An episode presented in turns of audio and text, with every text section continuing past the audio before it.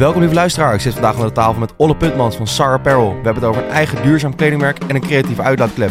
We sluiten zoals gewoonlijk af met een tip om jullie vleugels verder te spreiden. Ik hoop dat jullie met veel plezier luisteren.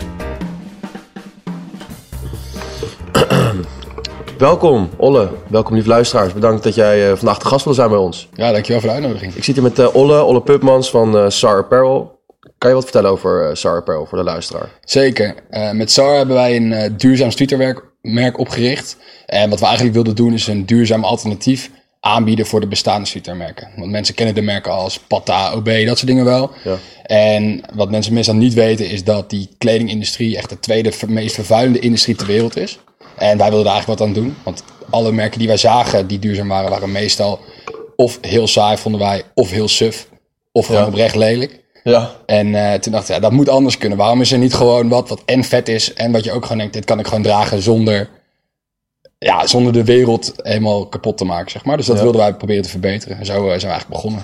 En eh, hoe, wanneer zijn jullie ermee begonnen?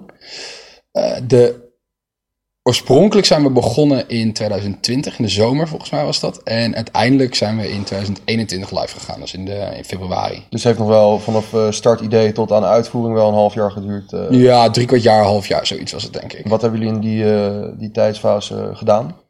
Ja, het begon eigenlijk met gewoon een heel klein ideetje. We waren gewoon het welbekende bierveeltje, Ja. kennen mensen misschien wel. Maar wij waren aan het, eh, gaan aan het zuipen. En Brent, mijn compagnon toen, die zei toen tegen mij van... Nou, ik wil eigenlijk wel iets gaan doen met ondernemen. Ik, maar ik weet niet echt wat. En ik heb in mijn tweede jaar ooit een keer wat t-shirts zelf gemaakt en ontworpen. En- Voor, was dat voor studie of voor nee, gewoon voor ook? vrienden eigenlijk. Ik ben altijd wel creatief bezig geweest. En vroeger maakte ik muziek. En nadat ik ben gaan studeren ben ik dat een beetje kwijtgeraakt. En ik zocht een beetje een creatieve uitlaatklep. En toen was ik een beetje aan het shoppen en ik kon niet echt iets vets vinden. En ik had weinig te doen, want ik was niet heel veel bezig met studeren Ja, en met ja, alles ja. eromheen. En toen dacht ik, ja, misschien kan ik zelf ook wel gewoon wat maken. Dus met Photoshop een beetje kutten. En uiteindelijk eh, ja, heb ik toen wat t-shirts gemaakt. Toen heette het ook al SAR trouwens. Hoe zijn jullie bij de naam gekomen, Sar? Daar ben ik toen echt. Ik heb, ben toen lettercombinaties op gaan schrijven. Omdat Ja. ik dacht van ja, kijk, ik heb nu al een design. Maar er moet wel een soort van merknaam. Want ik wilde wat op de borst en wat op de rug eh, designen.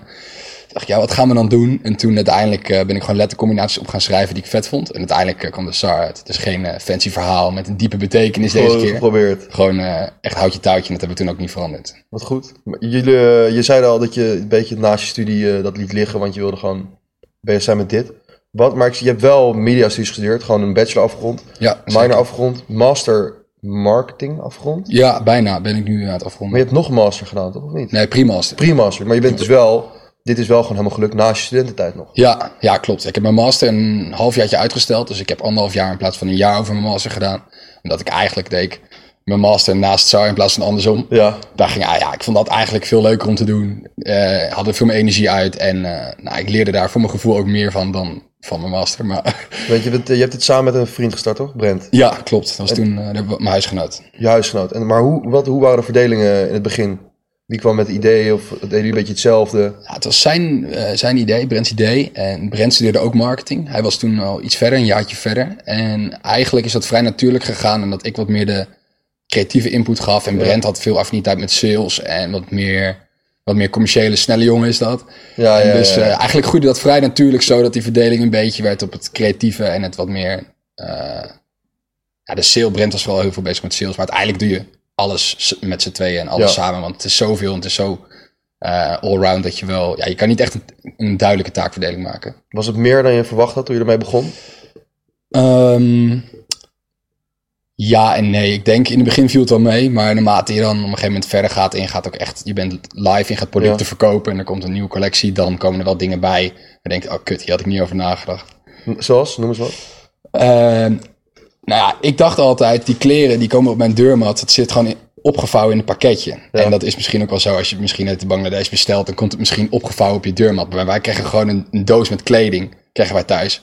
Succes. En wij keken en Oh, denken, shit. oh, fuck, we moeten dit allemaal gaan eh, strijken, opvouwen en daarna in een soort van voorraad plaatsen, zeg Ja. maar. Dus toen moesten we dat in één keer voor 200, 250 t-shirts gaan doen. dachten we, kut, ja, dat, daar hadden we niet over nagedacht, maar dat, eh, dat kostte wel wat tijd. Hoe groot was de eerste badge waarmee je live bent gegaan? Eh, de eerste batch was volgens mij 120 stuks. Over drie items. En dat ging redelijk snel eruit. Ja, dat ging heel snel eruit. Dat was Ja. volgens mij binnen een week uitverkocht. Ik zag dat het was op landen gebaseerd. Die eerste batch, klopt dat? Die drie Ja. t-shirts, Japan, Ghana Ja. en... eh, Egypt. En waar, waarom eh, die, die onderwerpen? Gewoon omdat het gaaf was, zag er mooi uit? Of... Ja, we vonden het leuk om een soort overkoepelend thema erbij te zoeken. Dat hebben we eigenlijk altijd wel een beetje gezocht in de designs en in uh, nou, de collecties voornamelijk. Want ja, ik vind, ik vind kleding in algemeen gewoon een heel vet product. Omdat het een beetje kan laten zien wie je bent. En er zit ook een soort van...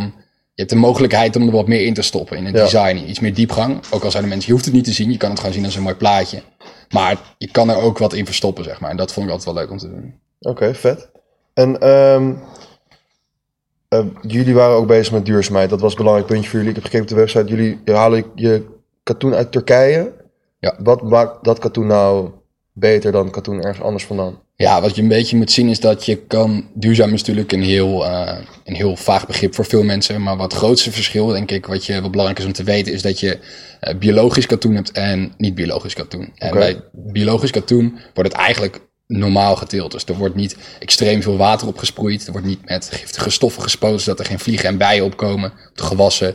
En bij de verwerking van het katoen daarna wordt ook minder energie verbruikt. En wordt er eh, rekening gehouden met eigenlijk alle andere aspecten daaromheen.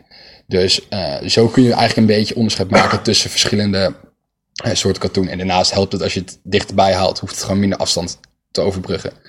Dus wat waren voor jullie toen de opties? Jullie hebben nu Turkije gekozen, maar waren er nog andere landen of Nederland een optie misschien Ja. om vandaan te halen? In Nederland eh, kan je geen katoen telen, maar in principe heb je, je kan ook, de stoffen worden voornamelijk al klaar aangeboden. Vanuit, over de hele wereld kan Brazilië, Amerika, India zijn. Het kan echt van heel veel plekken vandaan komen. Maar om het eh, dicht bij huis te zoeken, hebben wij voor Turkije gekozen toen. Oké, en en welke andere stoffen zijn er in het product van jullie gegaan? Waar je buiten Europa of binnen Europa nog spullen vandaan moet halen? Eigenlijk is alles van katoen gemaakt. Ja. Behalve sommige items zoals de hoodies, daar zat een bepaald percentage elastaan in. Dus dat heb je wel. En dat zijn dan, eh, gaat om 2% en dan kan je, mag je het officieel nog eh, biologisch noemen. Hoe gaat zo'n proces dan in werking met zo'n producent van katoen? Ga je daar naartoe? Ga je bellen? Ga je facetimen, mailen? Wat, eh, Ja, dat was nog wel een dingetje, dat was wel lastig. Want omdat je een, we waren een kleine partij. Dus om direct bij een teler af te nemen, waren we eigenlijk te klein. Ja. Daar waren de badges waren echt veel te groot voor. Dus wij hebben een tussenpersoon gevonden. Die kocht de stoffen in en daar konden wij het weer inkopen. Een kleinere, kleinere schade, zeg maar. Oké. En die, die heeft dat voor jullie dan redelijk opgezet of niet? Nee, dat zijn gewoon een soort groothandels eigenlijk. Dat Ah, kan je gewoon eh, Oké, cool. online vinden. En toen zijn jullie doorgegaan. Jullie hebben ook hebben jullie badges gemaakt met artiesten, wat ik begreep vanaf de website of meer? Is het echt jouw kunst geweest? Dit je... Eh, gemengd. We hebben de laatste collectie hebben we samen gemaakt met een artiest uit Utrecht, Oscar. Een kunstenaar die eh, heeft eh, tekeningen gemaakt daarvoor en in ieder geval de schetsen aangeleverd. En daarna zijn we samen gaan kijken met mijn designs en een soort van elektronische verwerking van die tekeningen. En die schets zijn we daarna aan de, aan de slag gegaan om een mooi, om een mooi design te maken voor op de t-shirt. Ik zag het, zag er gaaf uit, zag er gaaf uit. Dankjewel. Heb je, heb je, hoeveel badges hebben jullie uiteindelijk gedaan? Jullie zijn vanaf februari 2021 bezig geweest. Ja, we hebben volgens mij, uit mijn hoofd, hebben we zes, zes collecties soort van gemaakt. Ja. Waarvan er dan twee uit één t-shirt bestonden. Eentje daarvan is ook eigenlijk alleen als samenwerking gedaan, samen met Boot Groningen. Die eh, gebruiken zij als eh, kleding voor de schippers. Oké. En daar hebben we toen een livestream voor georganiseerd op, het, eh, op de grachten met twee DJ's. En Oh, toen hebben we een giveaway gedaan. Toen konden er vijf mensen mochten mee. Ze hebben gaan zuipen en de grachten op te gaan. Wat goud. Ja, dat was wel mooi. Leverde dat nog wat op voor jullie? Qua exposure of geld of... Ja, who knows? Dat is altijd een beetje de, de vraag met marketing. Hè? Of, het, eh, waar, of het goed besteed is. Maar het was sowieso een fucking leuk project om te doen. Dat was het belangrijkste eigenlijk. En eh, ja, ik denk het wel. Indirect, maar je zult het nooit echt weten. Was dat de insteek ook van, van SAR? Gewoon leuk, echt leuk om mee bezig te zijn? Of was er ook wel een, een kleine onderidee van... er moet wel een klein beetje geld het laadje binnengebracht worden? Nee, eigenlijk niet. Tenminste, vanuit mij in ieder geval was het echt, eh, was het echt passie. Ik eh, vind dat eigenlijk altijd gewoon belangrijk. Dat je iets doet wat je echt leuk vindt en waar je, waar je echt enthousiast van wordt. En dat is eigenlijk altijd de drive geweest voor SAR. En daarom eigenlijk achter alles. En geld was gewoon meer een middel om het te kunnen doen. Ja, ja, als je geen geld verdient, dan kan je niet nog een collectie maken of groeien om nog meer vette dingen te doen. Dus eigenlijk was geld meer een middel dan echt een, eh, oké. Maar, en dat, eh, jullie vragen hoeveel voor een shirtje? Ik dacht 55 euro op de website. Wil je de kostprijs delen of hou je dat liever, eh, liever voor jezelf? Die, eh, ja, die hou ik denk ik liever voor mezelf. Maar die was wel hoger dan gemiddeld, denk ik. Dus, je hebt dus uiteindelijk... Wat, oh, trouwens, dat, we, dat weten de luisteraars misschien nog niet helemaal. Maar SAR is gestopt sinds vorige week, officieel op de Ja, socials. klopt. klopt. Dus omdat Brent is verhuisd uit Groningen weg. Ja, dat is al een jaar geleden gebeurd. En jij gaat ook weg uit Groningen, toch? Of niet? Ja, klopt. Ja, ik eh, ben bijna klaar met mijn master. Is dat de reden ook dat jullie stoppen? Eh, deels. Wat ik net eigenlijk zei, dus die passie en eh, enthousiasme voor kleding maken, dat is eigenlijk de reden dat ik het altijd heb gedaan. En ik merkte een beetje dat naarmate het vorderde, we waren anderhalf jaar bezig, dat ik toch een beetje in een soort sleur terecht begon te raken. Dat ik dacht van ja, gaan we nu weer een badge maken, weer Ja. een fotoshoot doen, weer dezelfde cyclus in. Ik merkte gewoon, betrapte mezelf een beetje op van ah, fuck, ik vind het eigenlijk toch net iets minder leuk worden. En met het gegeven dat ik in februari klaar ben en dat ik dan waarschijnlijk wel een baan moet gaan zoeken. Vanwege, ja, ik moet geld verdienen. Ja, je moet toch een keer geld Houd een keer brengen. Ja. Is, eh, was het eh, eigenlijk een beetje een onvermijdelijke keuze. Helaas. Maar heb, heb je, kan je dus zeggen aan het eind van, aan het eind van SAR, SAR blijft natuurlijk bestaan, want de kledingstukken zijn er. Maar het proces dat jullie actief mee bezig zijn geweest, hebben jullie winst overgehouden, verlies gedraaid, Een ja, we, we hebben wel winst gemaakt. Maar dat is, als je het omrekent na uren? Naar uren is, het, valt het eh, tegen. Maar ja, ik denk eh, een keertje duizend euro aan overgehouden. Oké, nou dat is, is leuk, maar dat is voor twee jaar bezig zijn Niet heel ruim. niet nee. heel representatief. Nee, maar eigenlijk was het doel altijd gewoon van laten we gewoon iets beginnen. Kijken of, hoe gek we het kunnen maken. Kijken hoeveel gekke dingen we mee kunnen doen. En eh, als we wat aan overhouden is het mooi. Als het klapt en wordt niks, hebben we veel geleerd en iets vets gedaan. Hebben jullie, omdat het dan vanuit passie kwam, zijn jullie echt aandachtig bezig geweest met de marketingkant van SAR? Of kwam dat er wel een beetje bij? Ja, ik denk als je een bedrijf opzet, een nieuw bedrijf, dat eigenlijk het grootste gedeelte waar je eigenlijk mee bezig bent marketing is. Dat gewoon niks, er bestaat niks, Ja. er is niks. Los van de productie dan, dat was misschien het allereerste. Want anders heb je niks te verkopen. Nee, maar nee, nee, nee. eh, ja, we zijn daar wel actief mee bezig geweest. En hebben daar wel eh, veel over gebrainstormd. Maar dat is altijd, ja... Hoe hebben jullie dat de marketing aangepakt? Ehm, ja we hebben het vooral eh, organisch gedaan. Ze hebben geen advertenties gerund en dergelijke. We hebben eigenlijk de insteek, dachten we, beginnen gewoon klein. We beginnen met een niet al te grote badge. En dan gaan we het gewoon delen met onze vrienden. Vragen of zij het willen delen. En dan gaan we gewoon mooie items maken. En dan zien we vanzelf of het een beetje aanslaat. En eigenlijk is dat vrij goed gegaan. Uiteindelijk zijn we toen wel daarna nog andere strategieën toe gaan passen. Maar in het begin is het eigenlijk gewoon, dachten we, gaan- we gaan beginnen gewoon. En dan Op de socials? kijken we dan wel, ja. Je kan best veel, Ja? een kickstart kan je best wel krijgen. Gewoon met alleen Instagram en een beetje eh, vrienden die wat delen. Wat voor een tactiek hebben jullie later dan nog toegepast? Dat noemde je? Ja, wat we op een gegeven moment hebben gedaan is, toen dachten we, ja, we willen eigenlijk een beetje de naamsbekendheid buiten Groningen vergroten. Dus toen dachten we, hoe kunnen we dat nou doen? Want we hebben gewoon eigenlijk geen budget voor marketing. Dat hadden we, ja, gewoon eigenlijk nul, Ja. 0 euro. Dus Ja. dachten we, ja, oké, hoe gaan we dit doen? Dus wat we toen hebben gedaan, dachten we, oké, dan gaan we een fotoshoot organiseren in een stad. Dus dan hebben we de producten gewoon uit Groningen. Maar dan doen we de shoot bijvoorbeeld, we hebben het toen in Leiden gedaan. Dan vragen we mode- modellen uit Leiden. En dan Ja, vragen we of zij het kunnen delen met hun kringen. En dan op die manier zijn er dus, ja, we gaven de modellen altijd wat shirts. Dan lopen ze ermee rond, dan delen ze het een keer op socials. En dan hoop je dat er een beetje zaadjes geplant. En dan later kan je er misschien advertenties overheen gaan runnen. Of kan je een andere actie gaan doen of activatie. Lach, want ik zag inderdaad een, eh, een maatje van mijn middelbare school, Matthijs. Zo, ik je één kent keer- hem, ja? Ik zag dat in één keer voorbij komen. Ik denk, "Huh, hoe komt hij in één keer aan die kleren in Groningen? Maar ja, dat was wel... eh, eh, is dus zo gegaan. ja, zo ging dat. Wat lachen. Ehm, jullie hebben een aantal sales gehad per maand, neem ik aan. Hebben jullie dat echt bijgehouden ook? Hoeveel boekhouding gedaan? Ja en nee, ik eh, hield het wel bij om een beetje soort van te analyseren wat loopt nou goed, wat loopt nou minder goed. En ehm, ja, het is wel, anders heb je gewoon geen idee. Nee, Maar bij ons was het lastig om een maandelijkse soort van eh sales count bij te houden, omdat het gewoon erg piekerig was. We maakten collecties en eigenlijk verkocht elke collectie binnen twee weken verkochten eigenlijk de populairste items uit en binnen drie weken meestal alles. En daarna een dan... bepaalde datum waarop je dat plande? Die, Ja, die wij, wij dropten altijd eh, na studie. Ja, dat, dat zou wel stuk voor stuk was de gast ook eh, eerder. Die Ja. zei ook al dat eh, rond 24, 25 drop is perfect. Ja, tuurlijk. Ja, dan, heb- dan heeft de doelgroep geld. Dus Ja. dan, eh, Zie je ook echt dat het afneemt dan? ja, ja, 100%. Vooral, je ziet ook echt dat, bijvoorbeeld als je items hebt die nog over zijn. Ja. En eh, dat er dan, die niet uit zijn verkocht. dat die dan een maand niet zijn verkocht. Dan denk je op een gegeven moment van, nou, oké, gaan we even kijken hoe we dit eh, kunnen gaan fixen. Ja. En dan komt er, is het begint een nieuwe maand. Heeft iedereen weer geld en komen er toch altijd weer een paar orders binnen. En dan Ja. zie je dat het toch wel weer op gang komt. Dankzij de financiële injectie van, Wat van over Mark en consorten. Heb je nu nog een eh, grote voorraad liggen? Van, Nee, eigenlijk alles, alles is eigenlijk wel weg. alles is weg gewoon? Ja, Dus je hebt heel netjes gewoon in twee jaar een kledingbedrijf gestart. Je lol eruit gehaald. Klein beetje winst eruit gehaald. En gewoon afgerond. En nu is het ook het Ja, dat is eigenlijk wel, eh, nu het zo zegt, eh, dat klopt wel, ja. Dat is wel netjes. Hoe, heb je, hoe gaat zo'n... eh, wat, voor- wat voor hindernissen zijn jullie tegengekomen? Je zei van communicatie met Turkije is lastig. Nou, dat, met Turkije viel wel mee, want daar zat dus eigenlijk gewoon een best wel professionele partij tussen. Maar het is, wat voor ons een uitdaging was, is dat wij, omdat we alles zelf maakten, lokaal in Groningen, bij een klein atelier hier, Ja, eh, en daarnaast alles zelf bedrukte, weer bij een andere partij hier in Groningen, ha- hadden wij, nou, laten we zeggen, twee, drie grote partijen waar we rekening mee moesten houden. En om dat af te stemmen, daar waren dan, kijk, dat zijn ook niet de grootste bedrijven, dus die zijn soms ook niet altijd even adequaat met communicatie, planning en deadlines. Dus Ja. dan heb je meerdere partijen waar je dat gewoon mee moet afstemmen. Dus dat, eh, dat zorgt af en toe nogal voor, eh, ja, conf nou, een conflict wil ik niet noemen, maar dat... eh, hoe ga je daarmee om? Zaken. Ja, in het begin was dat wel lastig, moet ik zeggen. Want je wil eigenlijk altijd alles perfect doen. En je bent Ja. gewend dat je met je studie en dingen gewoon...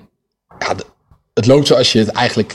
Als je, als je het goed je best doet, dan komt het wel goed. Ja, Maar als je gaat ondernemen, merk je toch wel dat eigenlijk niks loopt zoals je wil. Dus je moet eigenlijk gewoon, zodra je weer zo'n, ja, er komt zo'n obstakel op de weg, dan moet je gewoon meteen schakelen. Kijken, oké, hoe kunnen we het gaan oplossen? Wat kunnen we nu gaan doen? En dan kan je wel heel lang in die modus blijven van, ah fuck, eh, het loopt niet zoals we wilden. Of nu halen we onze deadline niet. Of onze collectie moet nu laten uit worden gebracht. Maar ja, dat, die gedachte heb je niet zoveel aan, want uiteindelijk liggen die kleren er nog steeds niet. Dus je moet gewoon met een nieuw plan komen.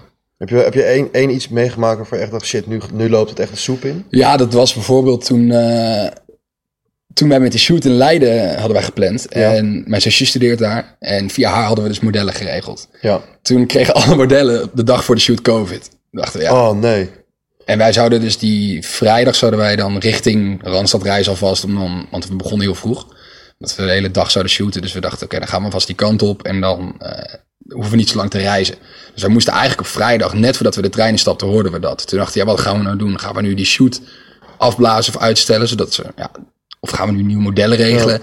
Maar hoe dan? We kennen niemand in Leiden. Nou, ja, uiteindelijk toch geschakeld, een beetje gebeld. En via via kwamen we dus bij Matthijs en Noah en Emma terecht. En was het eigenlijk best wel makkelijk, redelijk snel opgelost. Maar dan denk je, gaan meteen dat soort gedachten door je hoofd. Moet het afblazen of Ja. het lukt niet? Maar met een beetje creativiteit kom je er meestal wel. Oké, tof. En, maar dat, dat, eh, dat afwikkelen van het, van het bedrijf, is dat, heb je daar iets speciaals voor moeten doen? Of eh, ben je gewoon, gewoon gezegd, oké, we gaan het nu, we gaan niks nieuws meer uitbrengen. En dan zien we vanzelf wel wanneer we er een einde aan breien. Ja, het kwam eigenlijk vooral best wel een logisch moment voor mij. Omdat deze zomer was eigenlijk alles een beetje uitverkocht. En we waren bezig met eh, gesprekken met een nieuwe producent. En alles was eigenlijk bijna wel weg. Toen dachten we van ja, we, eigenlijk ik, ik blijf nog steeds een beetje in meervoud. Maar Ja, ja jullie zijn met z'n tweeën zijn we begonnen. Dus, ja, eh, en uiteindelijk heb ik het ook nooit echt alleen gedaan, zeg maar. We hadden meerdere mensen die ook hebben geholpen altijd. Dus echt alleen. mensen in dienst gehad ook echt? Eh, nee, maar we hebben wel vaste samenwerkingen gehad met eh, fotograaf Stef. Stef, ja, Stef en, eh, ja, Stef van Oosterhout. Dat was ook echt een, eh, echt een, echt een hele fijne samenwerking. Echt, eh hebben we heel veel aan gehad. Daar hebben we veel aan te danken, dus eh thanks Stef. Maar eh, ik ben even kwijt waar we het over Het afwikkelen, het afwikkelen. Oh ja, van, eh, dat, Ja. dat, dat ging natuurlijk, want de collectie was op.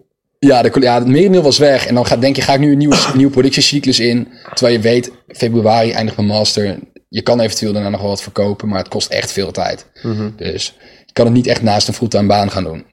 En dan ga je toch een beetje nadenken. En toen eh, was het eigenlijk een vrij makkelijke... Nou, het was geen makkelijke keuze, maar het was een logische conclusie om te stoppen. Omdat je dus eigenlijk niet nog eh, van heel veel voorraad af moest. Of Nee. een, eh, een huur had voor een pand. Of ja, dat soort dingen. Was niet nog een, een, een potentiële lopende collectie die nog in de maak was of een idee voor was? Ja, dat wel. Maar een idee is altijd maar een idee, dus dat is redelijk makkelijk. Dus dat was eh, redelijk makkelijk af te blazen. ja, ja, het is nooit leuk. Het was ook wel echt een moeilijke beslissing, want je gaat twee jaar stop je echt je ziel en zaligheid in een merk en in je onderneming. Ja, En dat, ja, het wordt ook bijna een beetje deel van je identiteit. Op een gegeven moment Ja? dan, ja, dat was voor mij wel echt een beetje zo. SAR was wel echt een beetje, dat was gewoon een deel van mij, voor mijn gevoel. loop je alleen maar in Char kleding ook? Alleen maar Char shirts? Nee, dat niet per se. Ik deed het wel veel, maar het is omdat je er zoveel mee bezig bent en je zoveel passie voor hebt, wordt het gewoon.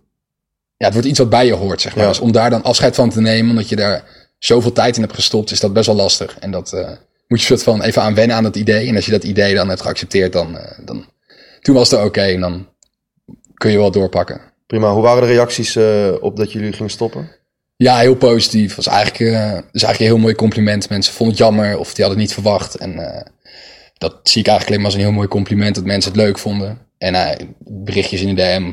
Dat ze het jammer vonden dat er geen nieuwe, nieuwe collectie Ja. meer aankwam. Of, Nou, dat is wel tof om te horen, denk ik dan. Als je zo lang ergens bent mee bezig geweest. ja, zeker. Dat is, dat is altijd mooi om te horen. Soms went het eerlijk gezegd wel een beetje. Zo. Ja. Wordt wel een beetje verwend of zo. Dat je eh, mensen, als mensen het vet vinden, dat zeggen ze dan vaker. En op een gegeven moment dan.